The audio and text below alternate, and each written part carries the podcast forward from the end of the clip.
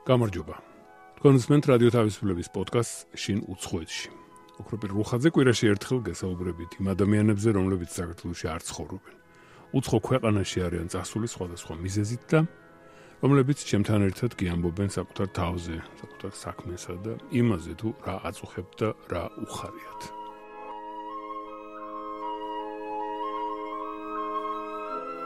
სალმერი გვავა ნიუ-იორკში ცხოვრობს, ცხოვრობს და სწავლობს. ნიუ-იორკის ხელოვნების აკადემიაში, რეიტინგით ერთ-ერთ ყველაზე საუკეთესოში, სულ მალე მაგისტრის ხარისხს მიიღებს. მისი ნამუშევრები არის კერძო კოლექციებში შეერთებულ შტატებსა და ევროპის ქვეყნებში, ასევე რუსეთში, ცხადია საქართველოსშიც. ზოგი აქ იხატება, ახლა ნიუ-იორკში, სხვები თბილისში შესრულდა. ასევე შტუტგარტში, სადაც სახელმწიფო სამხატვრო აკადემიაში ისწავლა. სალომერი გვავა ფერმწერია. ამ საუბრისას აკადემიაში იყო საუბარს რომ დავამთავრებთ ხატვას მიუბრუნდებიო. სალომე ახლა ემზადება გამოფენისთვის, რომელიც ნიუ-იორკის art moras გალერეაში უნდა გამართოს ოქტომბრის თვეში. სალომე მანამდე წყნარი ადგილი მოძებნა და ჩვენი ბაასიც შედგა. ეს არის მაჰეტენზე დაუნტაუნ. ნუ მაჰეტენის ტერიტორია არის ფრანკლინ სტრიტ არის თვითონ ეს შენობა არის ამ ქუჩაზე. მაჰეტენის ტერიტორია და მან რისთვის მიდიხართ ხოლმე თქვენ? რა თქმა უნდა საყატავად ასევე არის აქ განთავსებული სტუდიები სადაც ხატრები რომლებიც მაგისტრატურას აკეთებენ ამ შემთხვევაში ხატავენ მუშაობენ და თან პრაქტიკული ცოდნის გარდა ვიღებთ თეორიულსაც ანუ ხელოვნების ისტორიას სწავლობთ თანამედროვე ხელოვნებას კრიტიკას საკმაოდ ისეთი დაწურთული და საინტერესო სასწავლო პროგრამა აქვს. და ხელოვნების ისტორიას მე რამდენი სწავლობთ?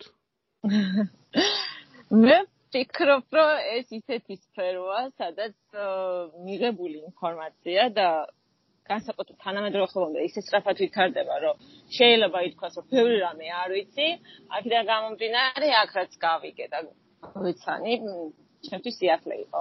ეს აი რას გულისხმობთ რომ ამბობთ რომ ისეთი რაღაც გავიგეო? თქვენთვის უცნობ ხელოვნებზე კი გასაგებია.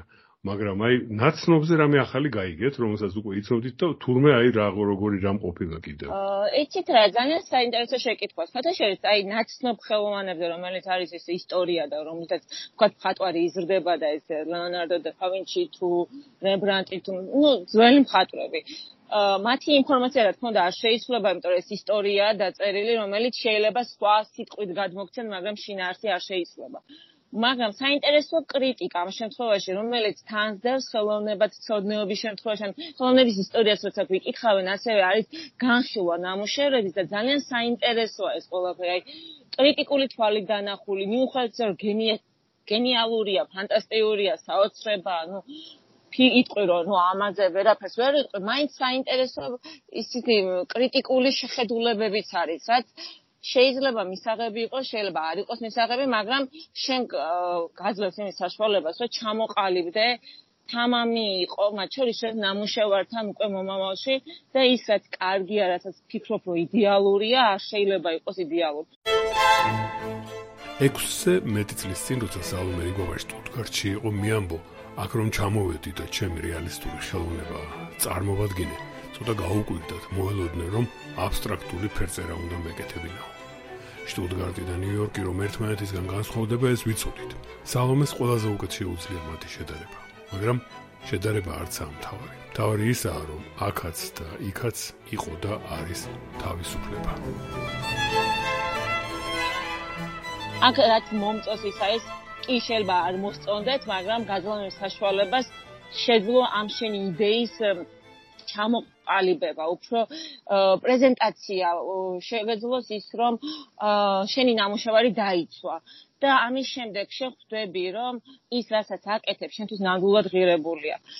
აკადემიაში ძალიან ბევრი ხელოვანი სწავლობს, რომლებიც სხვადასხვა ნამუშევრებს ქმნიან, საერთოდ განსხვავებული მიმდინარეობა, არეულია ყველაფერი.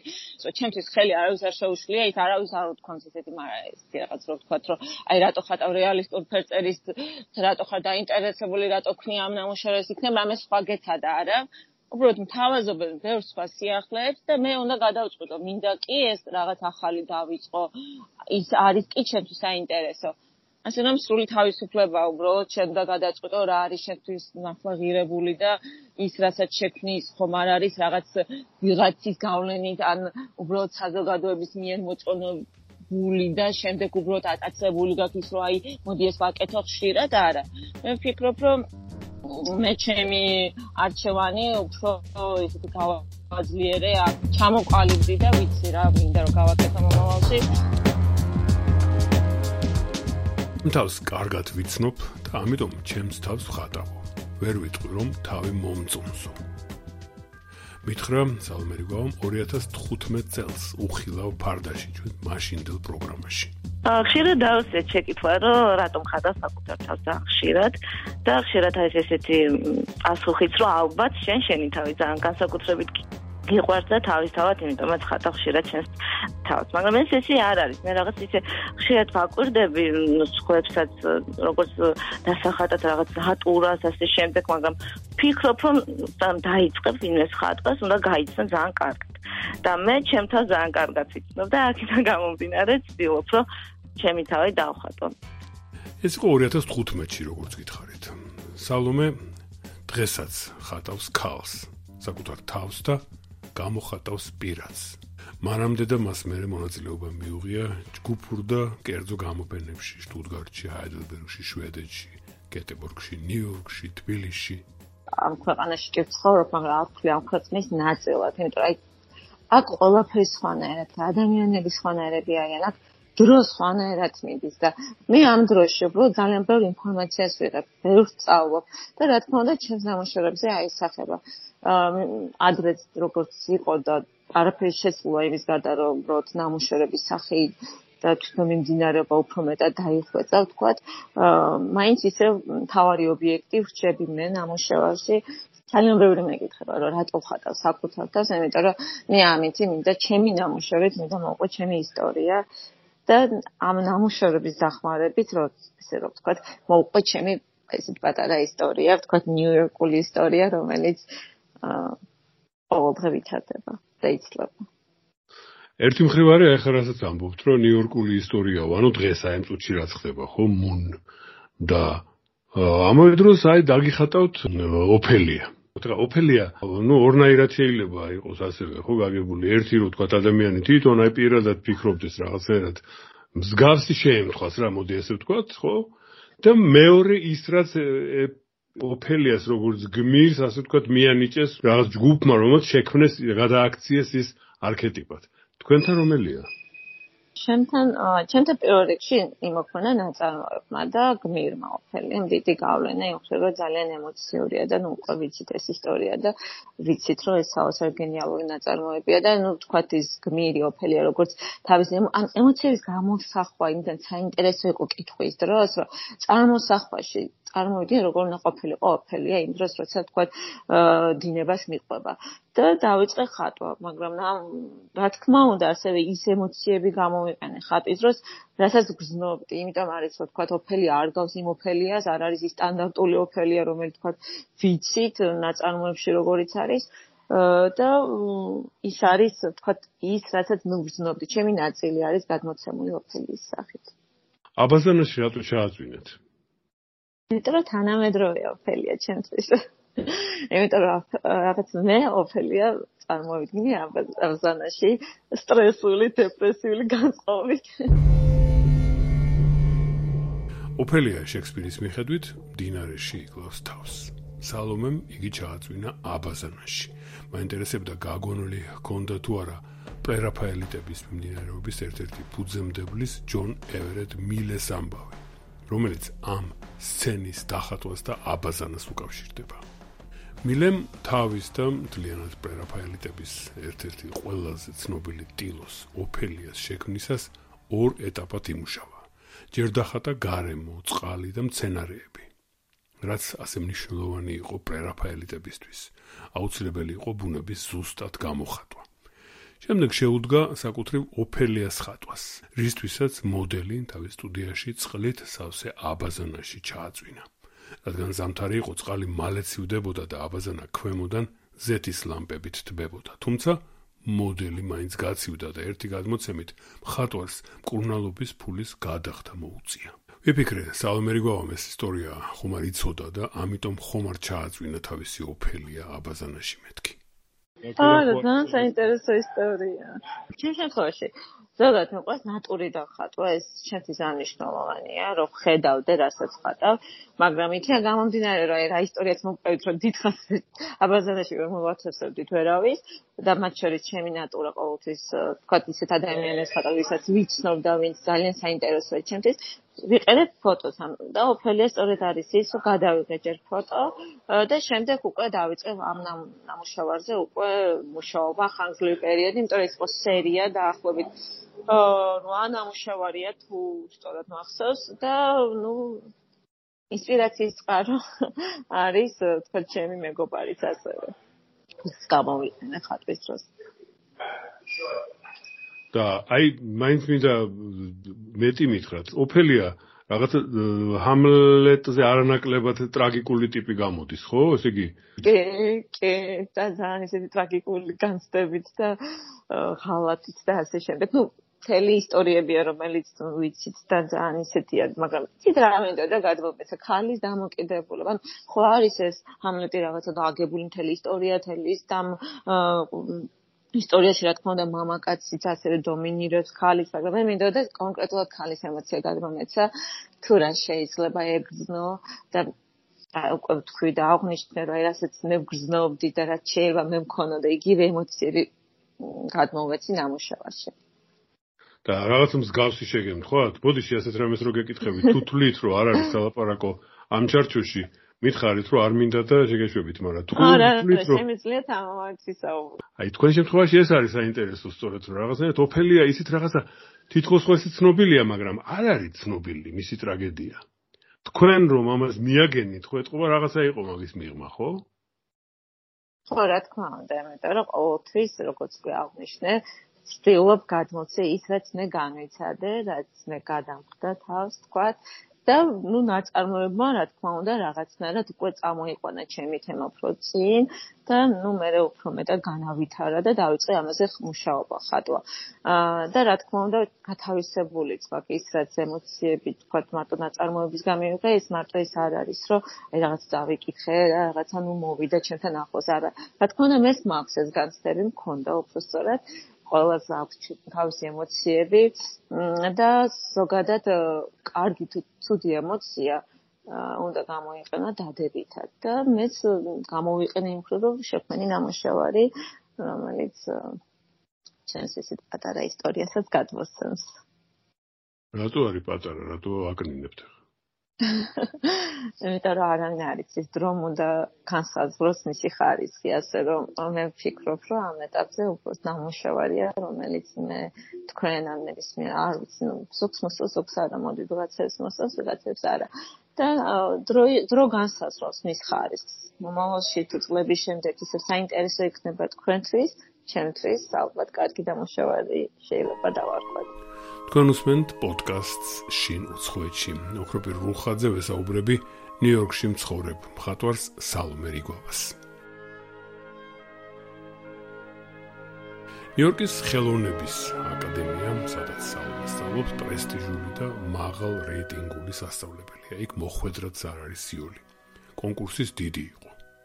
სალომე რიგვა მიიღეს აკადემიაში და ეს ორი წელიწადი ერთობ მნიშვნელოვანია. ეს არა უბრალოდ სტუდენტობა. ეს რაღაც მეტია.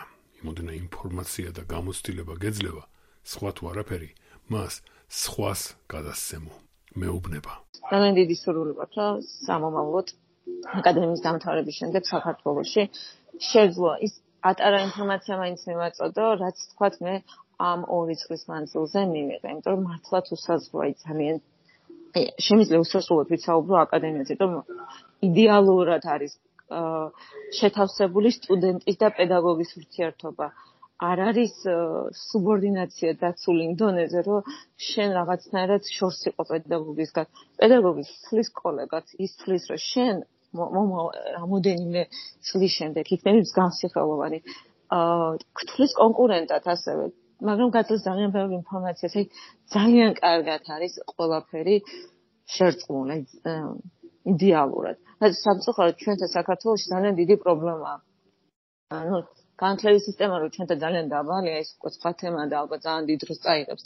ამაზე საუბარი და ამაზე არხის ამდენი დროის დაკარგვაც, უბრალოდ ვისურვებდი, რომ თბილისის სახელმწიფო სამხატვრო აკადემია იყოს მსგავსი როგორც ნიუ-იორკის სახელმწიფო სამხატვრო აკადემია. და რით მიაღწია მაგ აკადემიამ ამას? აი რა არის? თავისუფლებით. თავისუფლებით. თავისუფლება უნდა იყოს ყველა სფეროში. არ უნდა იყოს შეზღუდული, არ უნდა მიქცეოდით ვიღაცის გავლენის ქვეშ. აი შენ შენი ხედვა უნდა გქონდეს. უნდა გქონდეს სურვილი, რომ მეუღად დიდი წინააღმდეგობისა შეძლო სიახლის შეტანა. თქვენ შემთხვევაში ვინ გაფინანსებთ? რომ საკუთარ თავს ინახავთ თუ ო, ძალიან საინტერესო შეკითხვა. ისეთი შეკითხვა არის. აა, როცა ჩავაბარე ნიუ-იორკის აკადემიაში, შევიტანე განაცხადი განათლების და მეცნიერების სამინისტროს აქ ესეთი სტიპენდიები, რომლითაც აა სტუდენტებს აძლევენ საშუალებას, რომ ისწავლონ საზღვარგარეთ და სახელმწიფო აფინანსებს. აა შევიტანე განაცხადი, გავედი ყველა ესე წარმატებულად გადავლახე ყველა ტური და გასაუბრება, რომელიც არის 10-15 წუთი გაგრძელდა არც კი. აა იმ დროს ესეთი იყო კორონა იყო და ვირუსის გამო ზუმით მოხდა ეს გასაუბრება. ბოლო გასაუბრებამ გადაწყვიტა ის, რომ სტიპენდია არ მივიღე. არც იყო ძალიან რთული გადასატანი ჩემთვის, იმიტომ რომ პასუხი მივიღე ივნისის ბოლოს, ივნისის 20 რიცხვში და აკადემიაში სწავლას ვიწყებდი აგვისტოს 30-ში. აა, რა თქმა უნდა, რაღაც რესურსი მქონდა იმისი, რომ თქვა პირველ ეტაპზე ამერიკაში ჩამოსვლის დროს ინტეგრირებისთვის რაღაც ანუ სტრესი ვარ მიიღმეღო რაღაც თანხები მქონდა გამონახული ამისთვის, მაგრამ როგორც სწავლისთვის, ცალკე როგორც კი აღნიშნე საკმაოდ ძვირი აქ სწავლა, არ მქონდა გათვლილი. და შევძელი ის, რომ და ეს მარტო მე არ შევძელი, ამ შემთხვევაში მინდა აღნიშნო, რომ ძალიან ბევრი ადამიანი, რომელიც არის გულშემატკივარი ჩემი და ძალიან დიდი მხარდაჭერა მივიღე მათგან, რომ ნამუშევარი შეიძინა და ნამუშევრების რეალიზებით შევძელი ერთი წლის დაფარვა ეს შემიძლია თქვა მოგლა და თამამად თქვა ამითი შევძელი რომ პირველი წელი დავხარე. ნუ მეორე წელს უკვე მანამდე უკვე აზრებული მქონდა რომ მეორე კურსიც იყო და ისე დიდი პრობლემების წინაშე დავდგებოდი და დაავეწყე უკვე მოძიება იმ ხრო რომ ძირთად ნამუშევრების ხაყიდი ფახეხებ ამ ყველაფერს და ნამუშევრის რეალიზებით შევძლებ მომავალში სწავლის თანხით დაფარვას. იმ დროს, როცა სალომე ამერიკაში წასვლისთვის ემზადებოდა და საქმეებს აგვარებდა, სოფლიო დაბნეული შეხურებდა ვირუსს, რომლის გავრცელების შიშით ცხოვრება ტემპით აკარგა. მაგრამ სალომე რიგოვა, რის სალომე რიგოვა იქნებოდა, რომ არ ებრძოლა და ჩავიდა ნიუ-იორკში. ჩარიცხვის საბუთი მომავიდა თებერვალში და უკვე ვიცოდი რომ სტუდენტი ვიყავი, ასევე იმ დროს უკვე საბუთი მომავიდა იმის რომ აკადემიაც მაძლევდა სტიპენდიას, რაც საკმაოდ დიდი იყო, მაგრამ ნუ იყო უკვე ესეთი რო იტყვიან თოსოფლიოში მოდებული იყო ეს ვირუსი და განსაკუთრებით ამერიკაში იმ დროს ძალიან ისე იყო ლოკდაუნი იყო, ყველაფერი დახურული იყო. აი წარმოუდგენელი სიტუაცია იყო. და მე მაინც არ ვიცოდი ჩემს აზრს და დარწმუნებული და ისეთი ძალიან მოტივირებული ვიყავი და მინდოდა ძალიან აქ ჩამოსვლა. ამერიკის საელჩოში რა შევედი კონსულთან აი ორი ადამიანი იყო იმ დღეს გასაუბრებაზე. ვიზა ავიღე აგვისტოში და უკვე სექტემბრის პირველ რიცხვში მივედი სასწავლებელში აკადემიაში თქვათა შორის მიუხედავად ყველაფერი დაკეტილი იყო ფიზიკური სწავლება იყო ანუ გულისხმობის რომ ვიყავი სახელოსნოში მქონდა შეხება პედაგოგებთან სტუდენტებთან მაგრამ ეს იყო აი რაღაცა საოცარი სიტუაცია. იმდენად მოწესრიგებული იმდენად იცავენ წესებს რომ აა მინდა თამამად თქვა რომ ისე გავიარეთ ერთი წელი რომ ჩვენ აკადემიის შენობა არ დაგვიტოვებია არ გადავსულართ ზუმით სწავლებაზე ანუ ონლაინ სწავლებას რასაც ეძახიან მაგრამ ეს არის ის დამსახურება, რომ ყველა ცდილობს გააკონტროლოს აი რა იტყვიან ჰიგიენა, ნირბების ტარება, ყოველწუთას ხელის მოწესრიგება, დაბანა და ყოველი კვირის ბოლოს ტესტის გაკეთება, რომელიც მე პირადად უკვე ძალიან მაწუხებდა, მაგრამ სხვა გზა არ იყო. თუ არ ავტვირთავდი იმას რომ მქონდა უარყოფითი შედეგი, ანუ თქვა არ ვიყავი დაავადებული ვირუსით, აა მხოლოდ მაგის შემდეგ მეშვიდე შენობაში და თუ ტესტის ფურცელს არ ავტვირთავდი ონლაინ, უფლება მქონდა აკადემიის შენობაში მიცვალებავი და ლექციებს დასწრებოდი. წლების წინ მას მერერად სალმერი გვავა შტუტგარტში იცხოვრა და ისწავლა, ერთი პერიოდი საქართველოში დაბრუნდა და შემდეგ რამდენიმე თვით რეზიდენტურაში იყო ნიუ-იორკში. მე რეკლავ საქართველოს. ახლა ისევ ნიუ-იორკი და დიპლომი. ქართველი ფერმწერი ნიუ-იორკის ხელოვნების აკადემიის მაგისტრის წოდებით, დიპლომით ხელში. რას გააკეთებს? დიპლომის დაცვის შემდეგ რაღაც პერიოდი ვეცდები რომ დავრჩენ ნიუ-იორკის სამხატვრო აკადემიაში ალბათ როგორც პრაქტიკანტი, ანუ პრაქტიკა გავაკეთო, რაღაც ესეთი ასისტენტის როლში, პედაგოგთან, პროფესორებს ყავ თავისი ასისტენტები, რომელიც ეხმარება რაღაც ისინი. ნებში და თუ ვერ მოახერხე, უბრალოდ ვეცდები როგორც თავისუფალ მხატვარი, ისე დავრჩე რაღაც პერიოდი და შემდეგ დავბრუნდეთ საქართველოში. საქართველოში ამ ეტაპზე როგორც უკვე ვიცი რა არის ისეთი მარტივი და ისეთი კომფორტული გარემო, რომ ხელოვანმა შეძლოს შვიდად თვითრეალიზება. თვითრეალიზებაში გულისხმობ ხატვას, იმიტომ იმდენად სტრესულია ჩვენს ქვეყანაში ცხოვრება, რომ ხატვარზე, ხელოვანზე ძალიან დიდ როლს ასრულებს, დიდ გავლენას ახდენს. და ბუნებრივია შეიძლება რაღაც პერიოდი მართლა გაჩერდე და არაფერი არ შექმნა. უყურო ამ ყველაფერს ამ ქაოსს და ამ ქაოსში შენ უბრალოდ დრო დაკარგო იმიტომ რომ სრული არ ქონდეს ახალი ნამუშევრების შექმნის ზოგადად ეხა ჩემთან ამ ლაპარაკს რომ მორჩებით შეტრიალდებით და ისე გააგრძელებთ რამის ხატვას? კი ფოტოშოპის ჩანახატებზე მუშაობ. sketchbook-ი ანუ როგორ თქვა ესე ეს სტაბი ჩანახატე. ესკიზეს მაგრამ ნუ ესკიზი ცოტა ისეთი ალბათ თემას ირჩევდა მე ნუ ესიან თემას ირჩევდა მე აკეთებ ესკიზს მაგრამ ამ შემთხვევაში მომწონს რაღაც სწრაფი ნამუშევრების შექმნა ეს ბოლო პერიოდი მომწონს რომ დროის რაღაც მონაკვეთს ვიღებ ვირჩევ თქვა 30 წუთს და 30 წუთის მანძილზე ვცდილობ მაქსიმალურად მეტი ჩანახატი გავაკეთო რაღაცა საინტერესოა, რაღაც საკუთარ თავს და გონებას ავარჯიშებ ამ შემთხვევაში. რა თემაც მაქვს არჩეული ეს არის ჩემთვის ძალიან საინტერესო ამ ეტაპზე და ვფიქრობ სავარაუდო დიპლომს ამ თემაზე დავიცავ და ვაკეთებ ჩანახატებს სწორედ ამ თემის ირგვლივ. აღარ თემა საიდუმლოდ დავტოვებ, რომ ეს ისეთი თემა, რომელიც მე ძალიან მაწუხებს, ძალიან ჩემში ძალიან ძაფრად არის ეს თემა. აა და მეცდები რომ ძალიან საინტერესო დიპლომი იყოს, იმიტომ რომ მინდა რომ ჩემი სადიპლომო ნამუშევარი იყოს ის ის გამოც მე ამდენი ნამდვილი გადავდგი, არ იყო მარტივი. ჩვენ ვამბობთ სტუდენტის სტატუსს, მაგრამ არ არის ნამდვილად მარტივი იყოს სტუდენტი სხვა ქვეყანაში, როგორც არის თქვა ამერიკა. სრულიად მარტო, ძალიან ბევრი პრობლემის ფონზე, განსაკუთრებით ეს ყოველთვის ცნობილი პრობლემა ვირუსით, რომელიც თელსოფლიოში მომდებული და მაინც ესე მეტყვენ თავდაუზრო გავიშრომით, ცდილობდნენ მიზნის მიღწევას. აა ვფიქრობ, რომ ყოველთვის ადამიანი დიდ შრომას უნდა დებდეს ყველა თავის დასახულ მიზნის განხორციელებაში. აი, დასახული მიზანი იმდენად საფრათ უნდა იყოს შენში, რომ შენ ამით ძალიან ბევრი უნდა აკეთოს. სწორედ ეს სადიპლომო ნამუშევარი, რომელიც მე ავერჩიე და რომელზეც უკვე აღნიშნე, რომ ხატავს ჩანახატებს, ესკიზებს არის ის რომელიც მინდა ხოს ვაჩვენო, თუ რატომ მინდოდა ნიუ-იორკის ახალ აკადემიაში სწავლა და ნახოთ. ნახოთ რა გამოვა ეს ეს სიტყვებია შეიძლება ძალიან ისე. ამერგოსის ქალის თემა ყოველთვის იყო საინტერესო. რა შეძინა ამ ინტერესს ნიუ-იორკმა?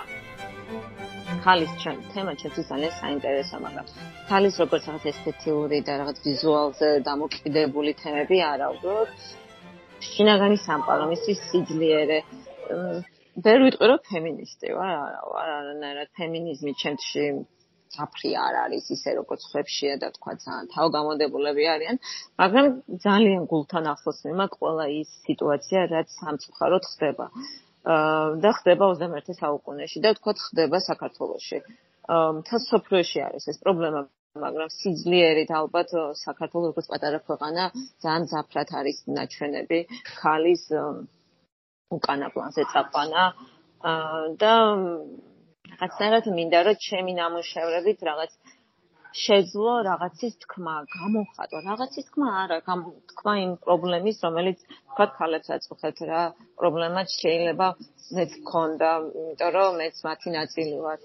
და მინდა რომ ეს ნამუშევრები იყოს მესიჯი იმისი თუ რა პრობლემები გვაწუხებს და რა შეიძლება შეიცვალოს აი ხმის ამოღებაც კი უკვე ჩვენთან ცოტა ქალთა მიმართებაში რაღაცნაირად უკვე შეზღუდულია, იმიტომ რომ ქალს არ აქვს იმდენი უფლება და თუ რამეს ისე თამამად ამბობენ, ძაფრი რეაქცია მოყვება. მე არ ვამბობ უბრალოდ საუბარზე, მე ვამბობ თუნდაც როცა პრობლემებზე გვაქვს საუბარი, ხშირად არის ესეთი უარყოფითი დამოკიდებულება საზოგადოებისგან. ალბათ დრო შეცვლის ყველაფერს, ყველგან ყველაფერი შეიცვალა, ყველამ გადალახა ეს ისა სირთულეები, ყველგან იყო ეს პრობლემა და იმედია საქართველოსიც იქნება. ჩვენთან არა მარტო ქალის პრობლემა, ჩვენთან ძალიან ბევრი პრობლემა არის, რომელზეც სხვათა შორის კარგი მასალაა ხელოვანისთვის, რომ შექმნას ახალი ნამუშევარი, იმდენად ბევრი პრობლემა არის ჩვენთან სამწუხაროდ. Sometimes I feel like a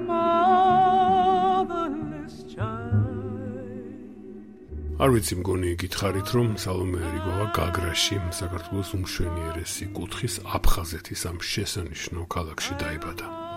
აფხაზეთის კონფლიქტის დროს სალომე 4 წლისა იყო, როცა ოჯახი იძულებული გახდა დაეტოვებინა აფხაზეთი. ის საიდან ვარ, პირიქი ძალიან ჩემში უფრო მძაფრია. წლებთან ერთად უფრო მძაფრად გრძნობ იმას, საიდან მოვდივარ, სად დავიბადე და ეს არ არის მარტო სიტყვები, არ მინდა რომ უბრალოდ სიტყვები იყოს რაღაც ხატული გაფორმება, რომ აი აფხაზეთიდან არა, აი ძალიან ზაფხულად დებ ჩემში იმ ადგილის სიყვარული, სადაც დავიბადე.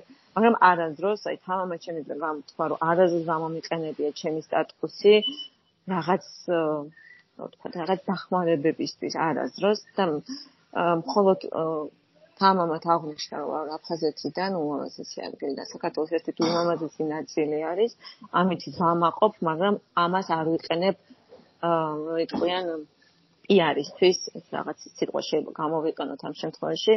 უბრალოდ ყოველთვის იქნება ჩემში ყოველთვის ვიტყვი საიდან ვარ.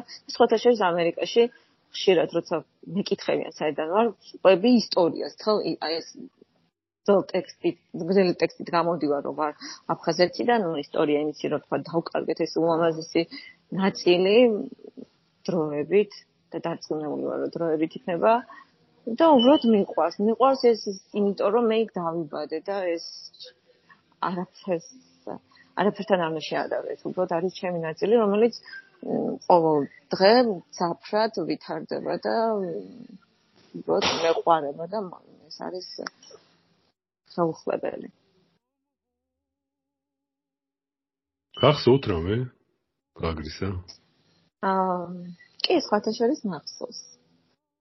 მახსოვს, მაგრამ მახსოვს ყველაზე კარგი პერიოდი და ალბათ უფრო მძაფრი ისეთი დღეები რო იყო, რომ თქვა ახალი წელი მახსოვს კარგად გაგრაში გატარებული, მახსოვს სახლი ძალიან კარგად ცხოვრობდი, მაგრამ არ ვიცი ეს ალბათ იყო ძალიან დიდი სტრესი და სხვათა შორის მე უფრო მძაფრად მოტივტივდა გონებაში გადმოსვლის დღე ანუ წამოსვლის დღეს ვეძახეთ იმას იმიტომ რომ სახლი იყო სრულიად დაცლილი მახსოვს ყველა კარადების ხარი იყო გამოღებული და დატოვებული. ოღონდ ეს მახსოვს საძინებლის ოთახი განსაკუთრებით ყველაფერი აყრილი იყო ქაოსი.